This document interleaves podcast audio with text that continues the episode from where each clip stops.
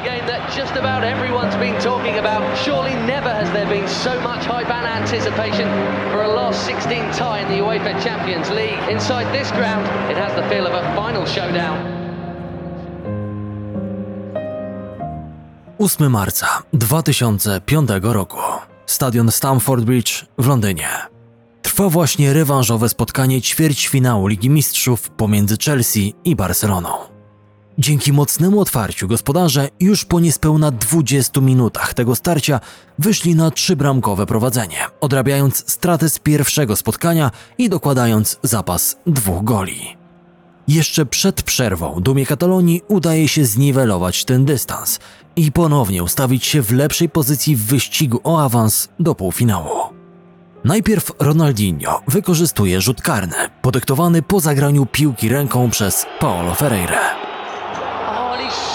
Nearly got a hand on it. In fact, he did get a hand on it, but it slipped in, and it's game on again. And the travelling fans finally got something to shout about. Jednak to co najlepsze ma miejsce w 39 minucie meczu. Oleger posyła długą piłkę w kierunku pola karnego Chelsea. Tę głową udaje się wybić Ricardo Carvalho. Zagranie Portugalczyka pada jednak łupem Andresa Iniesty, który zbiera futbolówkę i oddaje ją Ronaldinho.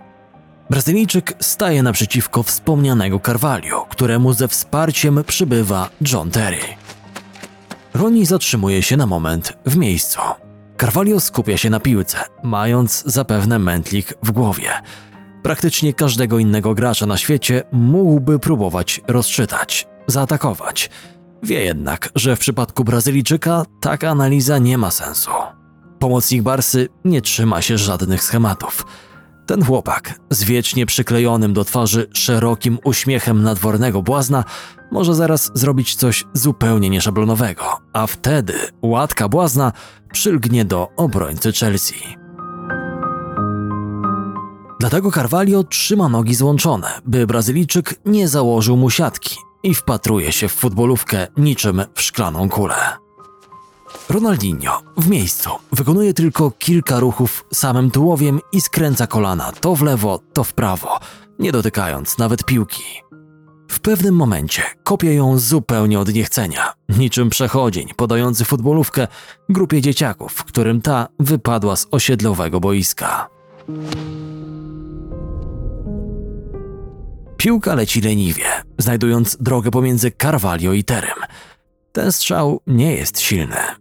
Mimo to Petr Czech stoi w miejscu jak wryty i przygląda się tylko, jak futbolówka ląduje w jego bramce.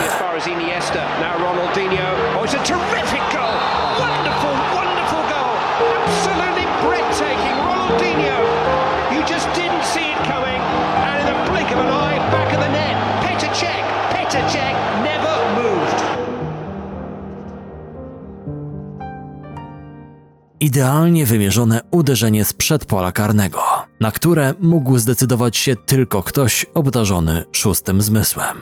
Kolejny przejaw boiskowego geniuszu brazylijskiego gwiazdora. Czułem się, jakby to był film na DVD i ktoś na kilka sekund wcisnął pauzę. Świat zastygł w miejscu i tylko ja mogłem się poruszać. Tak tego gola skomentował sam strzelec. W drugiej połowie tamtego meczu John Terry i tak zapewni Chelsea awans do półfinału. To jednak moment, w którym Ronaldinho jest w swoim piku. Brazylijczyk to w tamtym czasie boiskowy czarodziej, dla poczynań którego transmisje z meczów włączają nawet ludzie nieszczególnie interesujący się futbolem. Ten wesoły chłopak z Porto Alegre jest radością tłumów, niczym 40 lat wcześniej jego rodak Garincha. I tak jak Garincha uwielbia korzystać z uroków życia, przez co jego szczytowa forma potrwa dość krótko. Jednakże w połowie pierwszej dekady XXI wieku Roni był absolutnie największą gwiazdą piłki nożnej. Uosobieniem popularnej wówczas portugalskiej frazy joga bonito, czyli graj pięknie. Three Brazilians in number. What else do you need? Joga bonito. Panie i panowie, w wyjątkowym setnym odcinku podcastu Historie z boiska Czas przybliżyć sylwetkę równie wyjątkowego piłkarza, którego magicznymi zagraniami zachwycał się zapewne nie jeden z Was, drodzy słuchacze. Poznajcie historię Ronaldinho. Historie z boiska. Ciekawsza strona futbolu. Moi drodzy, to nie koniec niespodzianek. Właśnie minęły 4 lata, odkąd mogliście usłyszeć pierwszy odcinek historii z boiska. Zatem niemalże na rocznicę ukazuje się jubileuszowy odcinek numer 100 i w związku z tym mam dla Was pewne ogłoszenie. Spokojnie, nie zwijam manatków i nie zamykam podcastu, a właściwie to wręcz przeciwnie. Otwieram nowy. Poznajcie Sonder. Sonder, poznaj nieznane historie. Sonder to przede wszystkim prawdziwe i wciągające opowieści. Każdy odcinek to inna historia. Od kryminalnych przez wielkie przekręty na światową skalę, aż po biografię słynnych osobistości. Łączy je jedno: każda z historii jest niezwykle ciekawa. Jeżeli podobają Wam się historie z boiska i sposób, w jaki przedstawiam Wam najciekawsze postaci ze świata piłki, to jestem wręcz przekonany, że Sonder także przypadnie Wam do gustu. I nie tylko Wam. Być może w końcu będziecie mogli polecić mój podcast komuś, kto raczej nie przepada za futbolem, ale lubi wciągające opowieści. Zatem wystarczy, że wpiszecie w wyszukiwarkę nazwę Sonder Nieznane historie i tak oto znajdziecie mój nowy podcast, gdzie do odsłuchania są już trzy premierowe odcinki.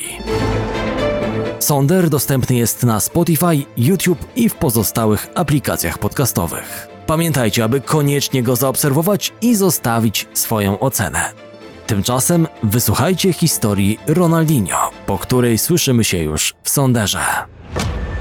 Sonder, poznaj nieznane historie.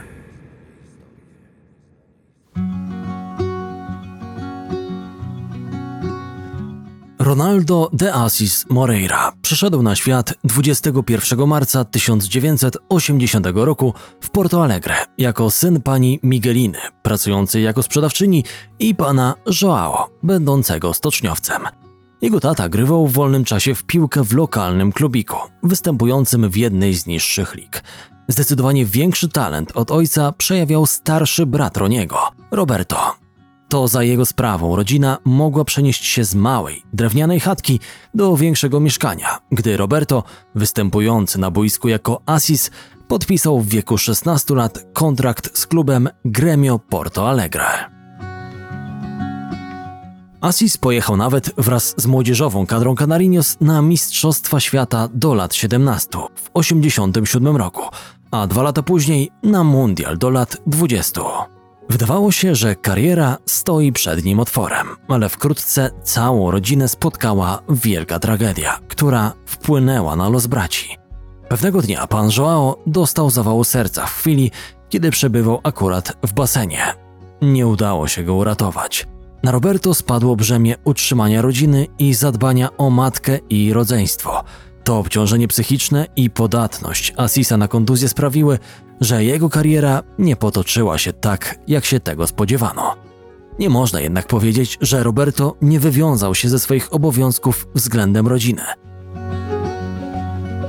Szczególną opieką otoczył on swojego młodszego o 9 lat brata.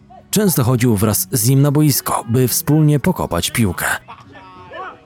Wkrótce zaczął zauważać, że w malcu drzemie nieprzeciętny talent. Roni natomiast leczył traumę po śmierci ojca, nie rozstając się z futbolówką. Uwielbiał się nią bawić. Nic nie sprawiało mu większej frajdy niż dryblowanie i robienie sztuczek. Uwielbiał się kiwać. Gdy jego rówieśnicy rozchodzili się już do domów, on zostawał na placu gry wraz ze swoim psem, który wabił się bombą i wchodził w pojedynki dryblerskie z sympatycznym czworonogiem. Po latach żartował, że nauczył się grać dzięki temu, że w Brazylii nawet psy kochają futbol. Pamiętał jednak radę, którą jeszcze przed śmiercią usłyszał od ojca. Umiejętność driblingu jest ważna, ale najważniejsze jest strzelanie goli. Pan Joao wpajał swojemu młodszemu synowi, by ten próbował grać maksymalnie na dwa kontakty – Roni starał się wziąć sobie tę zasadę do serca, chociaż nie zawsze się to udawało. Za bardzo kochał mieć futbolówkę przy nodze. Niebawem dzieciak trenował piłkę gdzie tylko mógł. Próbował swoich sił zarówno w beach soccerze, jak i futsalu. Ta wszechstronność pozwalała mu rozwijać umiejętności techniczne. Często grywał również na podwórku z chłopcami o kilka lat starszymi od niego. Był tym utalentowanym małolatem, najmniejszym na placu gry. Małym Ronaldo, czyli Ronaldinho. Ten przydomek przylgnie do niego na stałe i pod tym pseudonimem pozna go świat. Do Ronaldinho zostanie dodane jeszcze gaucho, czyli określenie charakterystyczne dla ludności Porto Alegre i stanu Rio Grande do Sul, które oznacza kogoś w rodzaju południowoamerykańskiego kowboja. W istocie przeciwnicy Ronaldinho mogli się czuć jak na rodeo, gdy ten dostawał piłkę. Chociażby chłopcy z drużyny, której Roni strzelił 23 gole w jednym meczu. Miał wtedy 13 lat i sprawił, że w kraju kawy po raz pierwszy zrobiło się o nim głośno. Asisa nie było już wtedy przy nim. Wyjechał grać do Europy, chociaż było raczej jasne, że porywającej kariery nie zrobi. Podpisał kontrakt ze szwajcarskim FC Zion. Nie musiał się już martwić o brata. W gremio, z którym Roni był już wtedy związany, chuchali i dmuchali na swoją potencjalną przyszłą gwiazdę. Assis był pierwszym idolem Ronaldinho, ale prawdziwe wrażenie wywarła na nim brazylijska drużyna narodowa, która w 1994 roku sięgnęła po tytuł Mistrzów Świata. Nastolatek z drużyn młodzieżowych Gremio zapragnął również przywdziać kiedyś kanarkowy trykot, oglądając na ekranie zespół z Bebeto i Romario na czele. Nie wiedział, że to marzenie spełni się już niebawem, a nim upłynie 10 lat, sam będzie mógł wznieść w górę Puchar Świata. Reprezentacyjną koszulkę Roni założył już w 1997 roku, chociaż na początek był to tylko zespół do lat 17. Ronaldinho zaczął jednak z wysokiego C, bo wraz z rówieśnikami przywieźli z młodzieżowego mundialu, który odbywał się w Egipcie, złote medale. Rok później po raz pierwszy zagrał dla dorosłej drużyny Gremio, klubu, który był jego drugim domem, gdyż już jako dziecko przychodził na treningi ekipy z rodzinnego Porto Alegre wraz z bratem. Nic zatem dziwnego, że nie musiał się długo adaptować do gry w tym zespole i brazylijskiej elicie. O ile jego pierwszy sezon w barwach Gremio był dobry, lecz niewybitny, o tyle w kolejnym miewał już momenty, którymi wzbudzał podziw kibiców. Meczem, którym Ronaldinho z pewnością wrył się w pamięć fanów, było spotkanie z 20 czerwca 1999 roku, gdy w finale Mistrzostw Stanowych Gremio spotkało się z innym klubem Sporto Alegre, Internacionalem. Szczególnie ciężko w tym meczu miał pewien doświadczony zawodnik rywala, który dwukrotnie został ośmieszony wręcz przez przebojowego nastolatka. Curto Ronaldinho, para Rodrigo, devolução para Ronaldinho. Olha o drible dele. Drible de craque, cruzou. Afasta a zaga. Ronaldinho calcanhar de novo. 1 a 0 Grêmio, gol do Ronaldinho. Raz Roni przedryblował go na skraju pola karnego, wykonując efektowny trik. Następnym razem zaś założył mu tak zwane sombrero, podbijając sobie piłkę nad jego głową. Piłkarzem upokorzonym przez Ronaldinho w ten sposób był Dunga, kapitan reprezentacji Brazylii z Mistrzostw Świata w 1994 roku, która kilka lat wcześniej wywarła na młodym piłkarzu tak wielkie wrażenie. Ronaldinho zakończył sezon z liczbą 22 goli w 47 meczach we wszystkich rozgrywkach. Wysoka forma Mokosa zaowocowała pierwszym powołaniem do dorosłej kadry Canarinos. Roni zadebiutował w niej w towarzyskim meczu z reprezentacją Łotwy. Kilka dni później brał już udział w turnieju Copa America, który padł łupem Brazylijczyków. Piłkarz Gremio pełnił rolę rezerwowego, wchodzącego na końcówki spotkań. Zdołał nawet strzelić gola w starciu z Wenezuelą wygranym przez Kanarki aż 7 do 0. Olha só o lençol. Que beleza. Postawa Ronaldinho na tyle przypadła do gustu ówczesnemu selekcjonerowi kadry Brazylii, że niemal prosto z finałów Copa America Roni poleciał na kolejny turniej, w którym mieli wziąć udział Canarinos. Był to Puchar Konfederacji, w którym Seleção zagrali bez swoich największych gwiazd. Dzięki temu młode wilki pokroju bohatera tego podcastu otrzymały swoją szansę, którą całkiem dobrze wykorzystały. A już szczególnie pomocnik Gremio. Ronaldinho zdobywał gole w każdym meczu Brazylijczyków na tym turnieju, poza finałowym starciem z Meksykiem, w którym polegli 3 do 4. W spotkaniu z Arabią Saudyjską, wygranym przez Kanarki aż 8 do 2, Roni popisał się hat-trickiem, jednym z dwóch, które zdołał ustrzelić w kadrze. Drugi raz ta sztuka udała mu się 5 lat później, w towarzyskim meczu przeciwko Haiti. Brilliant. It is eight, and he's got his hat trick. It's a true fairy tale. An 18-year-old Ronaldinho completes a hat trick. Gracz Gremio został uznany najlepszym piłkarzem tamtej edycji Pucharu Konfederacji.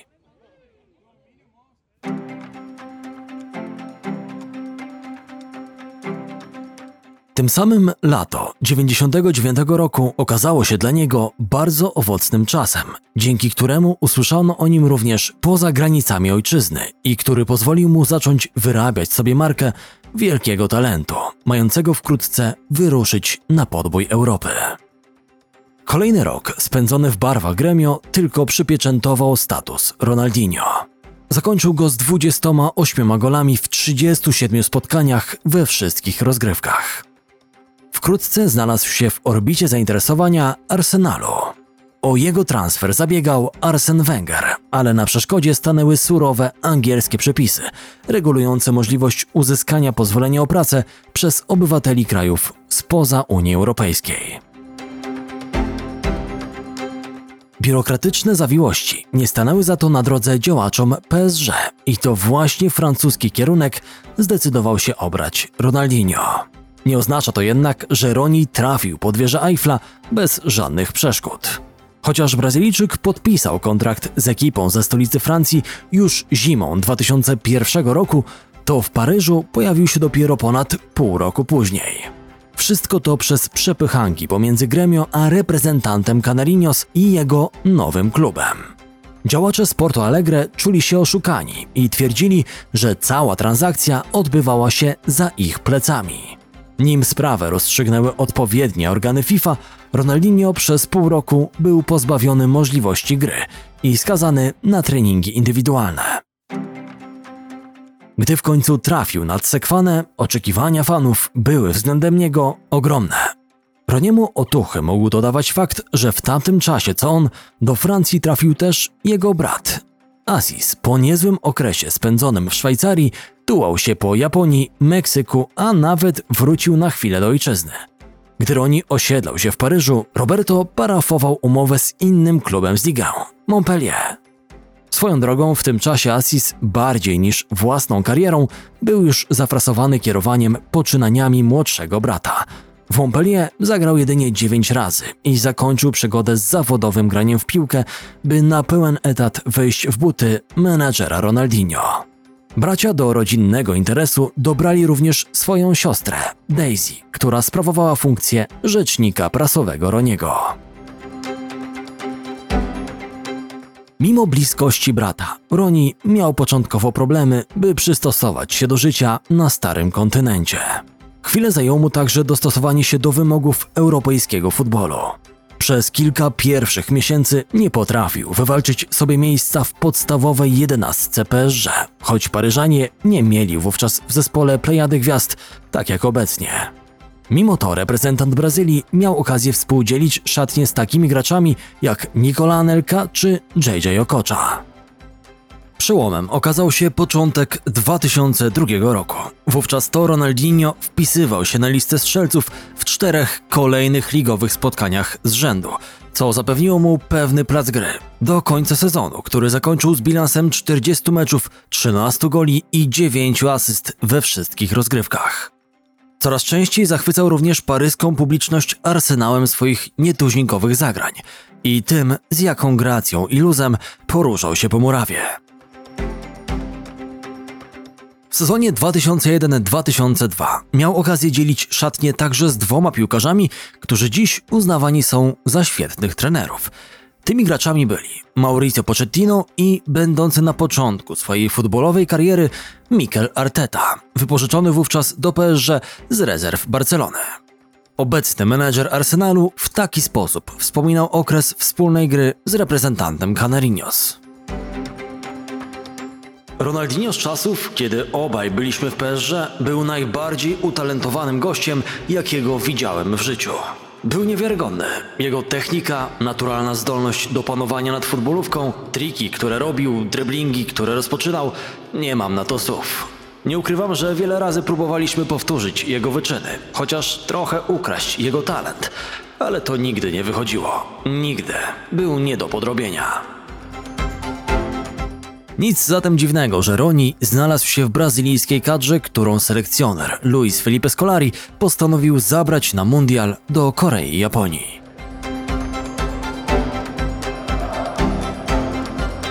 Dwudziestego 21 czerwca 2002 roku stadion Ekopa w japońskim Fukuroi.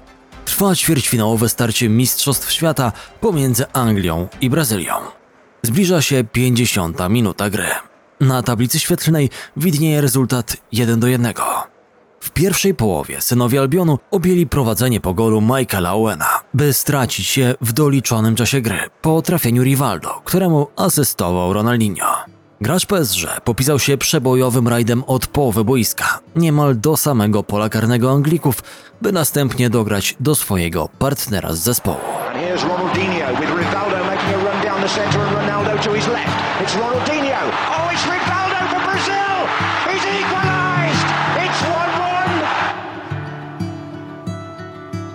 Na początku drugiej połowy Paul Scholes fauluje Klebersona. Cała sytuacja ma miejsce jakieś 40 metrów od bramki strzeżonej przez Davida Simana. Do rzutu wolnego podchodzi Ronaldinho.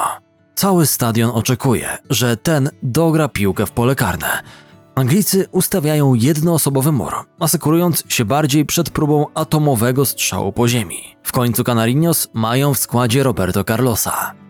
Widząc jednak, że do piłki podchodzi pomocnik, PSG koncentrują się na kryciu zawodników, którzy weszli w ich pole karne, by powalczyć o górną piłkę. Dośrodkowania spodziewa się także David Seaman. Daje dwa kroki przed linię bramkową, by być przygotowanym na ewentualne wyłapanie przeciągniętej wrzutki. Ustawienie golkipera Arsenalu dostrzega Ronaldinho i decyduje się na szalony pomysł. Pierwszej chwili piłkarze obu drużyn faktycznie myślą, że Roni źle uderzył futbolówkę i ta zaraz wyleci poza linię końcową. Piłka leci wysoko i nie jest dokręcona w pole karne. Simon przez chwilę sądzi, że zaraz ją spokojnie wyłapie. Chce dać kolejne dwa susy w przód i wyskoczyć do niej, lecz przerażony cofa się w pół kroku. Już rozumie, że to wcale nie zepsute dośrodkowanie, a próba strzału. Za późno. Bramkarz synów Albionu nie jest już w stanie uratować drużyny i swojego dobrego imienia. Piłka wpada mu za kołnierz. Ronaldinho idealnie wymierzył to uderzenie i ośmieszył doświadczonego golkipera. Ronaldinho takes and David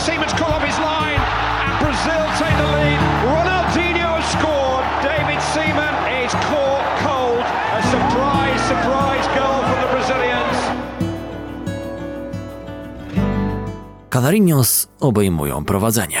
Siedem minut później pomocnika PSG nie ma już na murawie. Otrzymuje czerwoną kartkę za faul na danym Milsie. Można dyskutować, czy w tej sytuacji meksykański arbiter Felipe Ramos podjął słuszną decyzję. Brazylijczykom udaje się jednak przetrwać do końca meczu bez straty gola i meldują się w półfinale. Dziewięć dni później Canarinos z Ronaldinho w składzie ogrywają w wielkim finale Niemców 2 do 0 po dwóch trafieniach Ronaldo. Gracz PSG schodzi z boiska w 85 minucie, kradnąc nieco czasu i napawając się owacją brazylijskich kibiców. Chociaż to wspomniany Ronaldo zostaje królem strzelców, zapewnia kanarkom tytuł i staje się bohaterem narodowym numer jeden, to opinia publiczna docenia także świetną grę chłopaka z Porto Alegre, który 8 lat wcześniej marzył przecież przed telewizorem, by powtórzyć wyczyn Bebeto i Romario. Tamtej nocy ma okazję samemu podnieść Puchar Świata. Turniej kończy z dwoma golami i trzema asystami na koncie oraz na pierwszej stronie notatników scoutów z najpotężniejszych europejskich klubów. Wszyscy są pod wrażeniem kapitalnej ofensywy nowych mistrzów świata, którą napędzali trzej panowie ery: Ronaldo, Rivaldo i Ronaldinho. Po powrocie z mistrzostw Roni spędził na Parc des Princes jeszcze jeden sezon. Jego sytuacja z roku na rok zmieniła się diametralnie. Nie był już nieopierzonym młokosem, będącym zaledwie materiałem na gwiazdę. Teraz był już gwiazdą, największą w Paryżu i powoli przerastającą swój klub. Na murawie potrafił wyczyniać cuda. W meczu z Dżengomb minął kilku piłkarzy rywala na ich połowie niczym tyczki slalomowe, a na końcu przerzucił piłkę nad bramkarzem. Ten gol został później wybrany najpiękniejszą bramką sezonu. Ronaldinho, accélération de Ronaldinho, Jérôme Leroy, Ronaldinho qui va essayer de passer, il a éliminé Kwasi, Ronaldinho toujours à l'entrée de la surface, Ronaldinho Oh, encore, oh c'est beau, quel but exceptionnel réussi là par le Brésilien champion du monde Prawdziwy popis gry Ronaldinho dał także w prestiżowych meczach z Marsylią, której strzelił w czasie tamtej kampanii łącznie trzy gole. Zachwycał techniką. Gdy zaczynał swój taniec, można było odnieść momentami wrażenie, że piłka jest przyklejona do jego stopy. Wszystko to wykonywał z szerokim uśmiechem, który nigdy nie znikał z jego twarzy. Zapytany kiedyś o ten znak charakterystyczny, odpowiedział: jak mogę opowiedzieć dzieciakowi, który urodził się w drewnianej chacie w faweli, o życiu w Europie? To niemożliwe. Nie zrozumie. Kiedy wyruszysz do Paryża, wszystko będzie działo się bardzo, bardzo szybko. Niektóre media w Europie nie zrozumieją Twojego stylu gry. Nie zrozumieją, dlaczego zawsze się uśmiechasz. Cóż, uśmiechasz się, ponieważ piłka to zabawa. Czemu więc masz być poważny? Roni coraz częściej zaczął bywać gwiazdą także poza boiskiem. I to w tym złym znaczeniu tego słowa. Brazylijczyk coraz częściej popadał w konflikty z trenerem Luisem Fernandezem, który zarzucał mu, że ten zbytnio upodobał sobie uroki nocnego życia stolicy Francji. Jednak miłości do samby i wiecznego imprezowania nikomu nigdy nie uda się z niego wyplenić. Chciałeś mieć w zespole Ronaldinho, musiałeś zaakceptować jego styl życia. Roniemu często zdarzało się spóźniać z urlopów w Brazylii. Wymęczony po nocnych eskapadach, często też przechodził obok mniej ważnych meczów, czym irytował szkoleniowca i kolegów z zespołu. Ale jego czas na Parc des Princes i tak dobiegał końca. Latem 2003 roku David Beckham zamienił Manchester United na Real Madryt. Ten transfer rozczarował wielu fanów FC Barcelony. Nie tylko dlatego, że szeregi ich największego rywala zasilała angielska supergwiazda, ale także dlatego, że wcześniej to Joan Laporta obiecał kibicom Blaugrany, że ściągnie Beksa na Camp Nou. Okazało się, że słowa Laporty były zwykłą kiełbasą wyborczą, która miała mu zapewnić zwycięstwo w wyborach na prezydenta klubu. Laporta wiedział jednak, że potrzebuje ściągnąć do Barcy duże nazwisko, by udobruchać wściekłych kibiców. Jego wybór padł na Ronaldinho. Brazylijczyk natomiast był w tamtym czasie łączony z Manchesterem United jako potencjalne zastępstwo po odejściu Beckhama. Ostatecznie 30 milionów euro, które zaoferowali działacze z Katalonii, wystarczyło, by sprowadzić Brazylijczyka do Barcelony. Ten transfer był ważnym momentem zarówno dla ekipy z La Liga, jak i byłego gracza PSG. Blaugrana po kilku chudych latach miała w końcu zacząć budować zespół, który będzie godzien walczyć o najwyższe laury. Reprezentant Canarinos natomiast zbliżał się do momentu, w którym miał stać się na pewien czas absolutnie największą gwiazdą futbolu na świecie. Historie z boiska. Ciekawsza strona futbolu.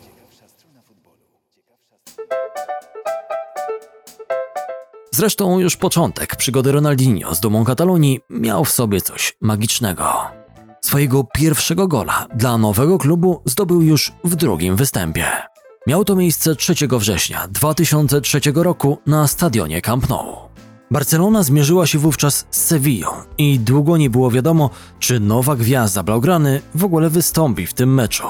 Działo się tak dlatego, że owe spotkanie miało się odbyć w środę, kiedy to część graczy Barcelony, w tym Ronaldinho, musiała już się stawić na zgrupowaniach swoich reprezentacji przed wrześniowymi meczami eliminacyjnymi.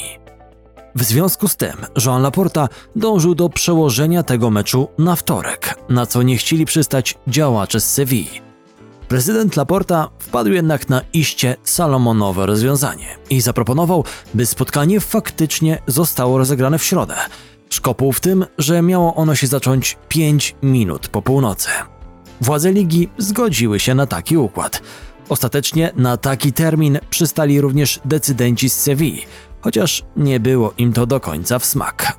Prezydent ekipy z Andaluzji, pan Jose Maria del Nido, grzmiał w wywiadach, że Barcelona zachowuje się jakby była pępkiem świata, a ligowe władze uginają kark przed zawodnikiem, który dopiero pojawił się w lidze, wbijając tym samym szpileczkę w Ronaldinho. Działacze Barsy, by wynagrodzić swoim fanom tak absurdalną godzinę rozpoczęcia meczu, rozdawali w czasie spotkania darmowe przekąski. Z tego powodu tamto spotkanie przeszło do historii jako El Partido del Gazpacho. Gazpacho natomiast to rodzaj zupy wywodzącej się z Andaluzji. Późną porę rozgrywania meczu wynagrodził wiernym Kules także bohater tego podcastu. Brazylijczyk w 58 minucie meczu przebiegł z piłką kilkanaście metrów, po drodze mijając dwóch graczy rywala, by na końcu oddać soczysty strzał z dystansu, który przed przekroczeniem linii bramkowej odbił się jeszcze od poprzeczki. Tym samym Ronaldinho na dobre rozpoczął swoją fantastyczną przygodę z nowym klubem.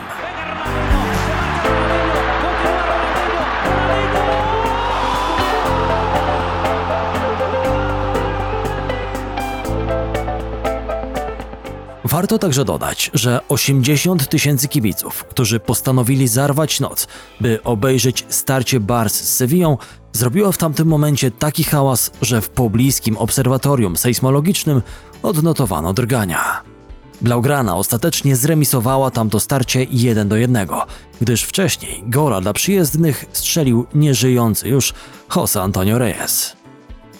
Wejście Ronaldinho do nowego zespołu było fantastyczne, lecz w czasie jego debiutanckiego sezonu dumie Katalonii nie udało się sięgnąć po żadne trofeum. Szczególnie pierwsza część kampanii ligowej była nieudana, gdyż na półmetku podopieczni Franka Rijkaarda zajmowali dopiero 12 pozycję w tabeli. Na wiosnę było już zdecydowanie lepiej i po serii 15 spotkań bez przegranej Katalończycy ostatecznie finiszowali na drugiej pozycji z pięciopunktową stratą do Walencji. Była to zresztą dla Barcelony zapowiedź lepszych czasów. Przed kolejnym sezonem do drużyny dołączyli między innymi Portugalczyk Deco, który przybył z FC Porto i Samuel Eto, który do tej pory reprezentował barwy Majorki. Wartością dodaną okazał się także chociażby Henrik Larsson, który przybywał na Camp Nou z łatką legendy Celticu Glasgow. Były to wzmocnienia, które pozwalały ekipie Rijkaarda wierzyć, że sezon 2004-2005 będzie należał do nich.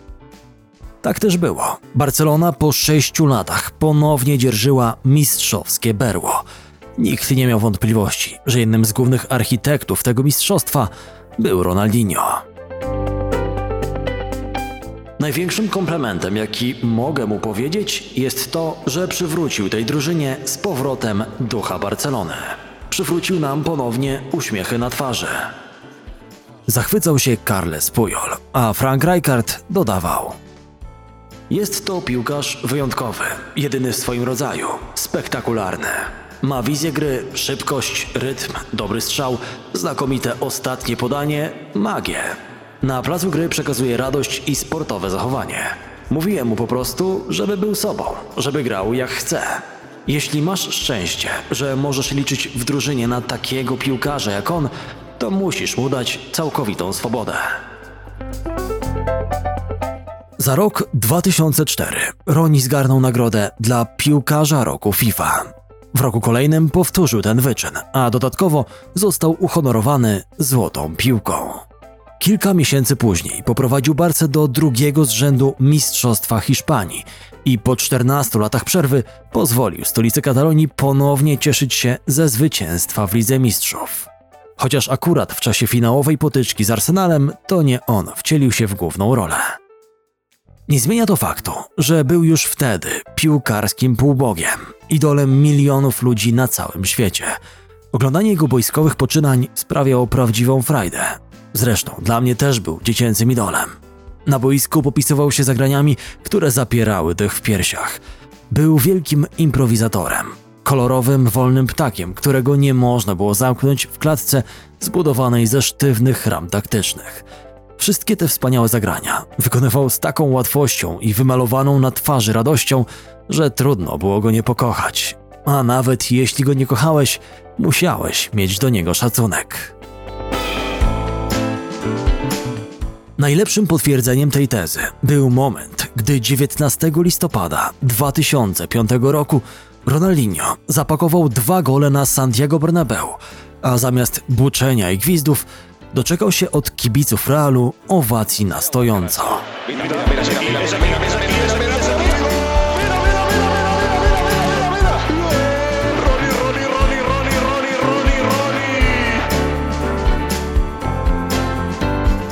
Tak wielki zaszczyt jest zarezerwowany tylko dla nielicznych geniuszy futbolu. Wszak oprócz Roniego w ten sposób został uhonorowany jeszcze tylko jeden piłkarz Barcelony, Diego Maradona. Gdy latem 2006 roku Ronaldinho udawał się wraz z kolegami z kadry narodowej na światowy czempionat do Niemiec, wiele osób było święcie przekonanych, że Canarinos muszą obronić tytuł sprzed czterech lat. Przecież liderował im najlepszy piłkarz świata. W drużynie nadal znajdowali się wielcy mistrzowie w postaci Carlosa czy Ronaldo. Kaka stał się zawodnikiem klasy światowej, a ekipę uzupełniały wygłodniałe młode wilki w postaci Adriano czy Robinho. Nic jednak nie poszło zgodnie z planem. Naszpikowana gwiazdami drużyna musiała wracać do domu po ćwierćfinałowej porażce z Francją. Fala krytyki ze strony rozczarowanych brazylijskich fanów spadła w dużej mierze na barki Ronaldinho, któremu zarzucano, że nie potrafi przełożyć formy klubowej na reprezentację. Gwiazdor Barcelony wydał nawet oświadczenie, w którym przeprosił kibiców za słaby występ na mundialu. Czas pokazał jednak, że forma Roniego osiągnęła już w tamtym momencie najwyższy pułap i zaczynała powoli pikować. A pięć minut, w czasie których Brazylijczyk zasiadł na tronie króla futbolu, mijało bezpowrotnie. Wychowanek Gremio miał w tamtym momencie 26 lat, a jak się później okazało, już nigdy nie było mu dane zagrać na turnieju World Cup. Dwa gole zdobyte na czempionacie w Korei i Japonii to jego jedyny dorobek strzelecki, jeśli chodzi o mundiale. Dwa gole, czyli dokładnie tyle samo, co Bartosz Bosacki. Ot, taka nic nieznacząca ciekawostka. Z pozoru Ronaldinho zadawał kłam pogłoskom o jego spadającej formie.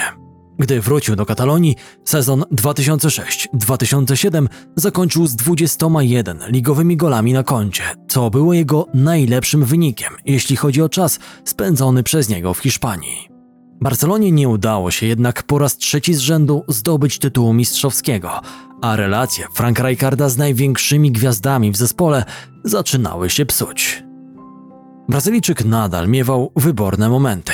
Kibice znów oklaskiwali go z całych sił, gdy w meczu ligowym przeciwko Villarreal przyjął piłkę wrzuconą w pole karne przez Szawiego na klatkę piersiową, a następnie odwrócił się tyłem do bramki i strzelił gola przewrotką, przywodząc na myśl wielu kibicom inną brazylijską gwiazdę Barsy sprzed lat, Rivaldo. Oh, oh, oh my goodness! A thing of beauty and brilliance. Ronaldinho, absolutely breathtaking when he finishes.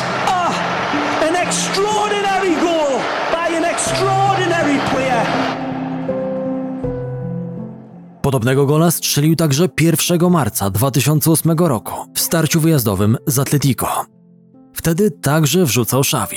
Zapewne nikt z kibiców oglądających wówczas to efektowne trafienie nie zdawał sobie sprawy z tego, że jest to ostatni gol Brazylijczyka w barwach dumy Katalonii. Wkrótce Roni nabawił się długotrwałego urazu, który wyeliminował go z gry do końca sezonu. Być może rehabilitacja przebiegałaby sprawniej, gdyby pacjent dbał o siebie i przykładał się do ćwiczeń wzmacniających. Natomiast przerwa spowodowana kontuzją była dla Ronaldinho doskonałym pretekstem, by zacząć imprezować jeszcze bardziej intensywnie niż w czasie, gdy dopisywało mu zdrowie i w permanentnym melanżu przeszkadzały mu mecze oraz treningi, do których zdobywca złotej piłki przykładał coraz mniejszą wagę. W klubowych gabinetach coraz częściej dało się słyszeć głosy, które podważały przydatność Ronaldinho w zespole i mówiły o konieczności rozstania z reprezentantem Canarinos. W sezonie 2007-2008 Barcelona znów nie zdołała sięgnąć po żadne trofeum. Na Camp Nou potrzebny był nowy impuls, który pobudziłby zespół pogrążony w maraźmie – Przygoda Franka Rijkaarda z Blaugraną dobiegła końca. Jego miejsce na stołku trenerskim zajął młody wizjoner Pep Guardiola, dotychczas pracujący z Barceloną B. Nowy szkoleniowiec podjął radykalne kroki. Postanowił wyrwać kręgosłup drużyny zbudowanej wcześniej przez Rijkaarda i poskładać go na nowo. Na cenzurowanym znalazły się syte koty w postaci Deco i Ronaldinho. Guardiola miał również wątpliwości co do Eto, który miał ciężki charakter i lubił popadać w konflikty. Nowy opiekun Dumy Katalonii potrzebował ludzi posłusznych, którzy dostosują się do jego wymagań taktycznych i będą się cechowali etyką pracy na wysokim poziomie. W oczach Guardioli gwiazdy ery Rijkaarda nie czuły już głodu sukcesu i nie były gotowe do poświęceń. O ile Eto został jeszcze na Camp Nou przez rok, o tyle Deco i Ronaldinho mogli natychmiast pakować manatki. W nowym projekcie nie było dla nich miejsca. Wielu fanów Barsy nie mogło się pogodzić z takim obrotem spraw. Odzywała się w nich jednak sentymentalna strona i wspomnienia Ronaldinho z najlepszych lat, gdy hipnotyzował publikę swoimi boskimi umiejętnościami. Chociaż od tamtego momentu nie minęło wcale dużo czasu, Roni był już zupełnie innym graczem. Nawet sam Laporta otwarcie mówił o tym, że Brazylijczyk musi zmienić środowisko, by spróbować raz jeszcze wskrzesić w sobie iskrę boskości. Miejscem, w którym miał tego dokonać, był Mediolan. Latem 2008 roku Ronaldinho za sumę około 25 milionów euro przeniósł się na San Siro, by reprezentować barwy AC Milanu, który w wyścigu o podpis zdobywcy złotej piłki wyprzedził Manchester City. Dość szybko zaklimatyzował się w Serie A. Z miejsca zyskał też sympatię kibiców, strzelając swojego pierwszego gola w derbach przeciwko Interowi. Z końcem listopada miał już na koncie 7 ligowych goli. Znów popisywał się sztuczkami technicznymi, no-look pasami i bajecznymi driblingami. Wszystko to z rozbrajającym uśmiechem na twarzy. Wydawało się, że zmiana barw klubowych faktycznie podziałała na niego odświeżająco. Tak jednak mogło się wydawać tylko na zewnątrz. Działacze Milanu wiedzieli swoje, tak samo jak kibice, którzy odwiedzali nocne kluby, gdzie często widywali Brazylijczyka balującego do samego rana. Pewnego razu zaczęli go nawet wyganiać do domu, gdy ten bawił się w najlepsze o trzeciej nad ranem dzień przed meczem. Brazylijczyk szybko znalazł rozwiązanie i na imprezy zaczął latać do Paryża, ale i tam nie był w stanie ukryć się przed wścibskim wzrokiem fotoreporterów. W połowie swojego pierwszego sezonu na San Siro usiadł na ławce rezerwowych i dostawał szanse głównie w końcowych fragmentach spotkań. Jego sytuacja poprawiła się, gdy Brazylijczyk Leonardo zastąpił Carlo Ancelottiego na stanowisku trenera Rossonerich. Rodak Ronaldinho dawał mu więcej swobody i zdawał się przemykać oko na jego pozaboiskowe występki. Roni odpłacił mu za to niezłymi liczbami, gdyż sezon 2009-10 zakończył z 12 golami i 14 asystami na koncie, stając się ważnym ogniwem zespołu i znów dając złudne nadzieje na to, że może być jeszcze tym samym piłkarzem co kilka lat wcześniej. Problem w tym, że Milan pod wodzą Leonardo spisywał się poniżej oczekiwań i latem 2010 roku na ławce trenerskiej znów zaszła zmiana. Tym razem stery objął Max Allegri. Człowiek, który nie miał zamiaru udawać, że nie widzi braku profesjonalizmu Ronaldinho. Pomimo udanego sezonu, Brazylijczyk nie pojechał także na mundial do RPA. Choć początkowo selekcjoner Dunga umieścił go na szerokiej liście powołanych zawodników, to ostatecznie gracza Milanu zabrakło wśród 23 piłkarzy, którzy udali się w podróż do Afryki. Złośliwi twierdzili, że była to zemsta Dungi za upokorzenie go przez Ronaldinho na boisku, gdy obaj występowali jeszcze w lidze brazylijskiej. Allegri początkowo uwzględniał piłkarza w pierwszym składzie Milanu. Jednakże, gdy po raz kolejny dotarły do niego wieści o tym, że lekkoduszny piłkarz organizuje sobie indywidualne odprawy przedmeczowe w nocnych klubach, posadził go na ławce i praktycznie przestał korzystać z jego usług. Stało się jasne, że dalszy związek Milanu z Brazylijczykiem nie ma po prostu sensu. Ronaldinho postanowił zatem udać się do miejsca, w którym miał największy szacunek fanów i pewność, że jego styl życia nie będzie tam takim problemem jak w Europie.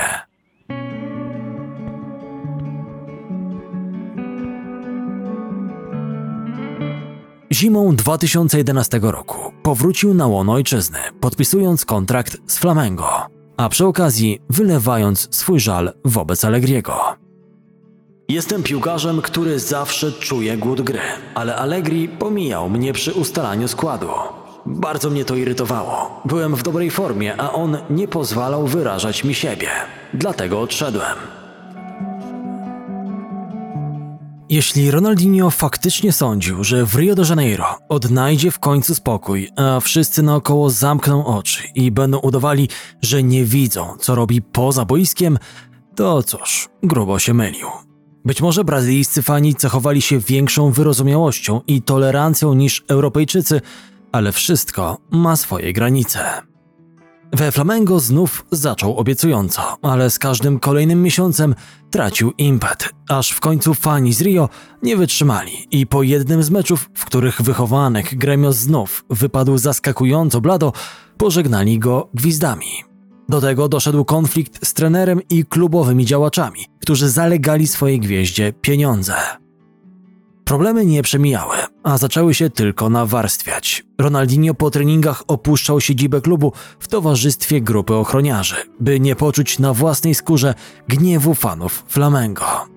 Na jedną z sesji przybył pod wpływem alkoholu, aż w końcu w połowie 2012 roku rozwiązał kontrakt.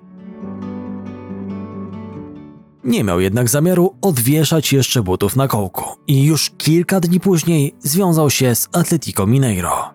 Były zdobywca złotej piłki przewidział trykot z numerem 49, symbolizującym rok urodzenia jego mamy i postanowił wykonać swój last dance, ostatni raz pokazując kibicom, że był genialnym piłkarzem. W Atletico spędził dwa lata. Już w pierwszym sezonie powiódł swój nowy klub do tytułu wicemistrza kraju, a samemu zgarnął nagrodę dla najlepszego piłkarza w lidze. Rok później ekipa z Belo Horizonte, prowadzona przez swojego doświadczonego lidera, odniosła największy sukces w swojej historii i zatriumfowała w rozgrywkach Copa Libertadores. Może to już nie był facet, który kiedyś czarował cały piłkarski świat – ale pomimo 33 lat na karku nadal można było zobaczyć w jego grze coś magicznego. Po półtora rocznej przerwie otrzymał również powołanie do kadry i liczył na to, że znajdzie się dla niego miejsce w zespole, które zagra na mundialu rozgrywanym w kraju kawy. Luis Felipe Scolari nie dał mu jednak szansy, tak jak uczynił to 12 lat wcześniej.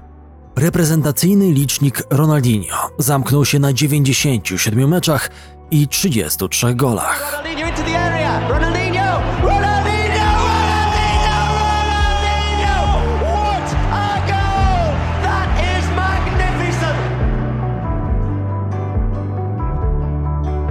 Kolejnym dowodem na to, jak wielkim piłkarzem był Ronaldinho, stał się moment, gdy wraz z Atletico zagrał na klubowych Mistrzostwach Świata. Tam w półfinale ekipa z Belo Horizonte musiała uznać wyższość marokańskiego Raja Casablanca. Świat obiegły jednak ujęcia, jak po meczu zawodnicy najlepszego klubu Afryki otoczyli wianuszkiem wychowanka gremio i zaczęli go rozbierać. pragnąc zabrać ze sobą do domu pamiątki związane z reprezentantem Canarinos. W lipcu 2014 roku Ronaldinho opuścił szeregi Atletico Mineiro. Dwa miesiące później związał się z meksykańskim zespołem o nazwie Quertaro.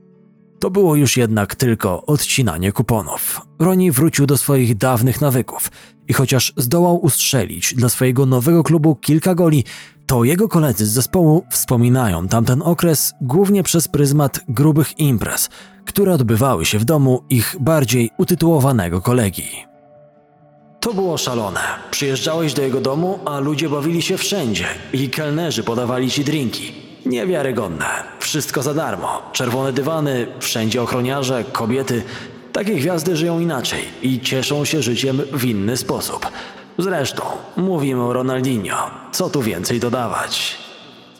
Wspominał chilijski piłkarz Patricio Rubio, który w Meksyku dzielił szatnie z bohaterem dzisiejszego podcastu. Ronaldinho zaliczył jeszcze epizod we Fluminense, a następnie udał się do Indii, gdzie grał w lidze futsalu razem z między innymi Polem Scholesem, Ryanem Giggsem czy Hernanem Crespo. 16 stycznia 2018 roku oficjalnie potwierdził, że zawiesza buty na kołku. Choć w oczach wielu fanów zrobił to już kilka lat wcześniej. Former Brazilian forward Ronaldinho Gaucho was arrested in Paraguay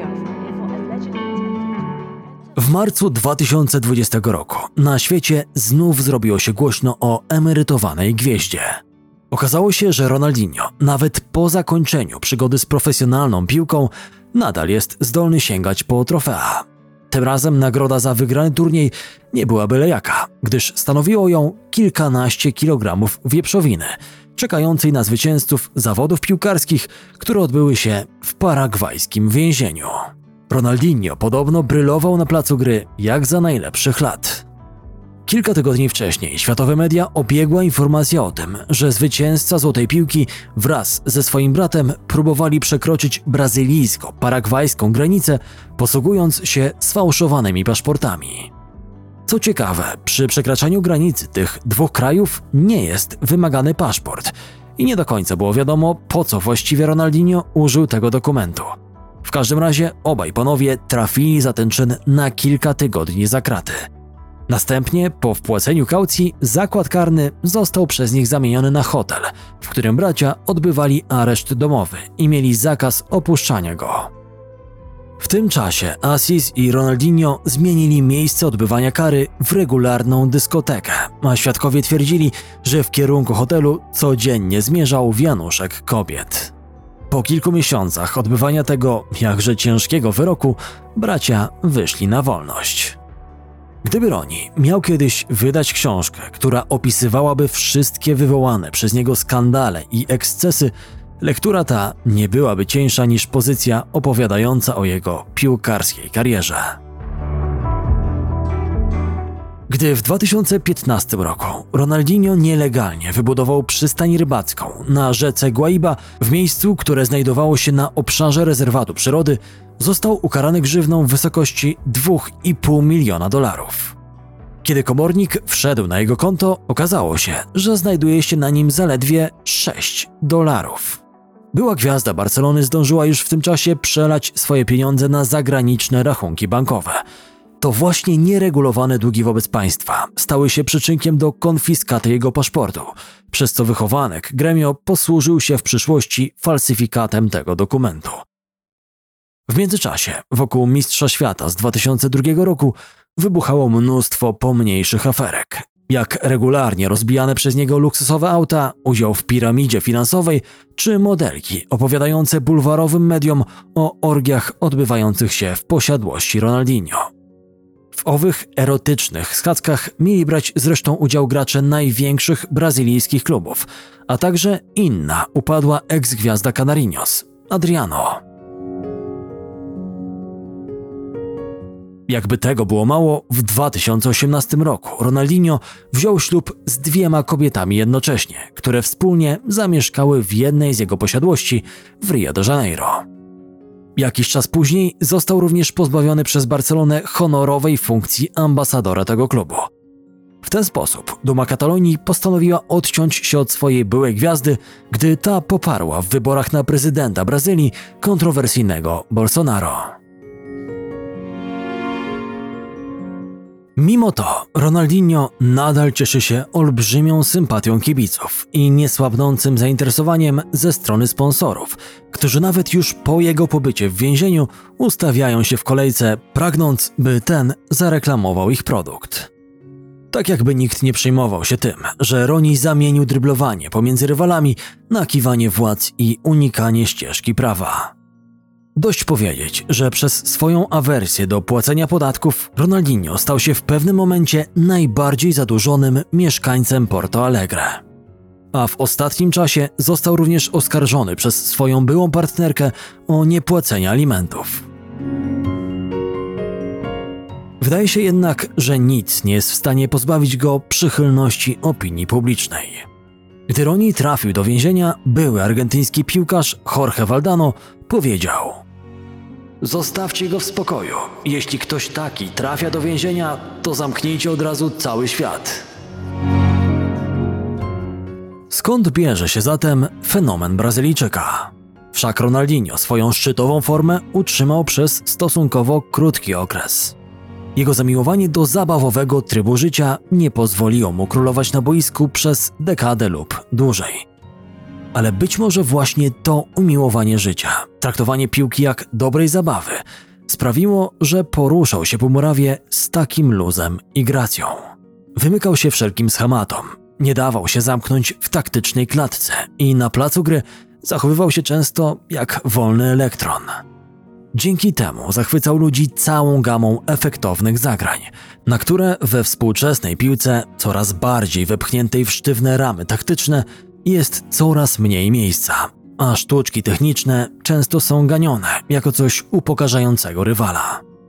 Nic zatem dziwnego, że tak wielka rzesza osób z nostalgią wspomina piłkarza, który był uosobieniem czystego, podwórkowego wręcz piękna gry.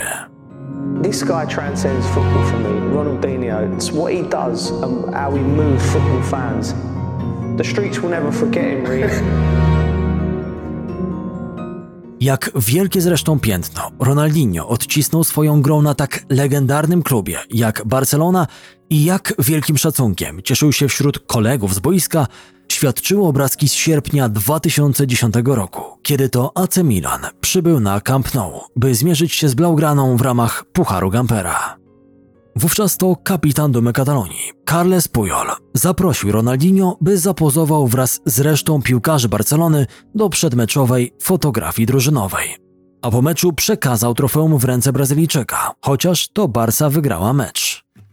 Pujol chciał jednak uhonorować człowieka, który niegdyś przywrócił dawny blask zespołowi z Camp Nou. Powiódł go do dwukrotnego mistrzostwa Hiszpanii i pozwolił ponownie stać się najlepszą drużyną klubową w Europie, rozgrywając w jego barwach 207 spotkań i strzelając 94 gole.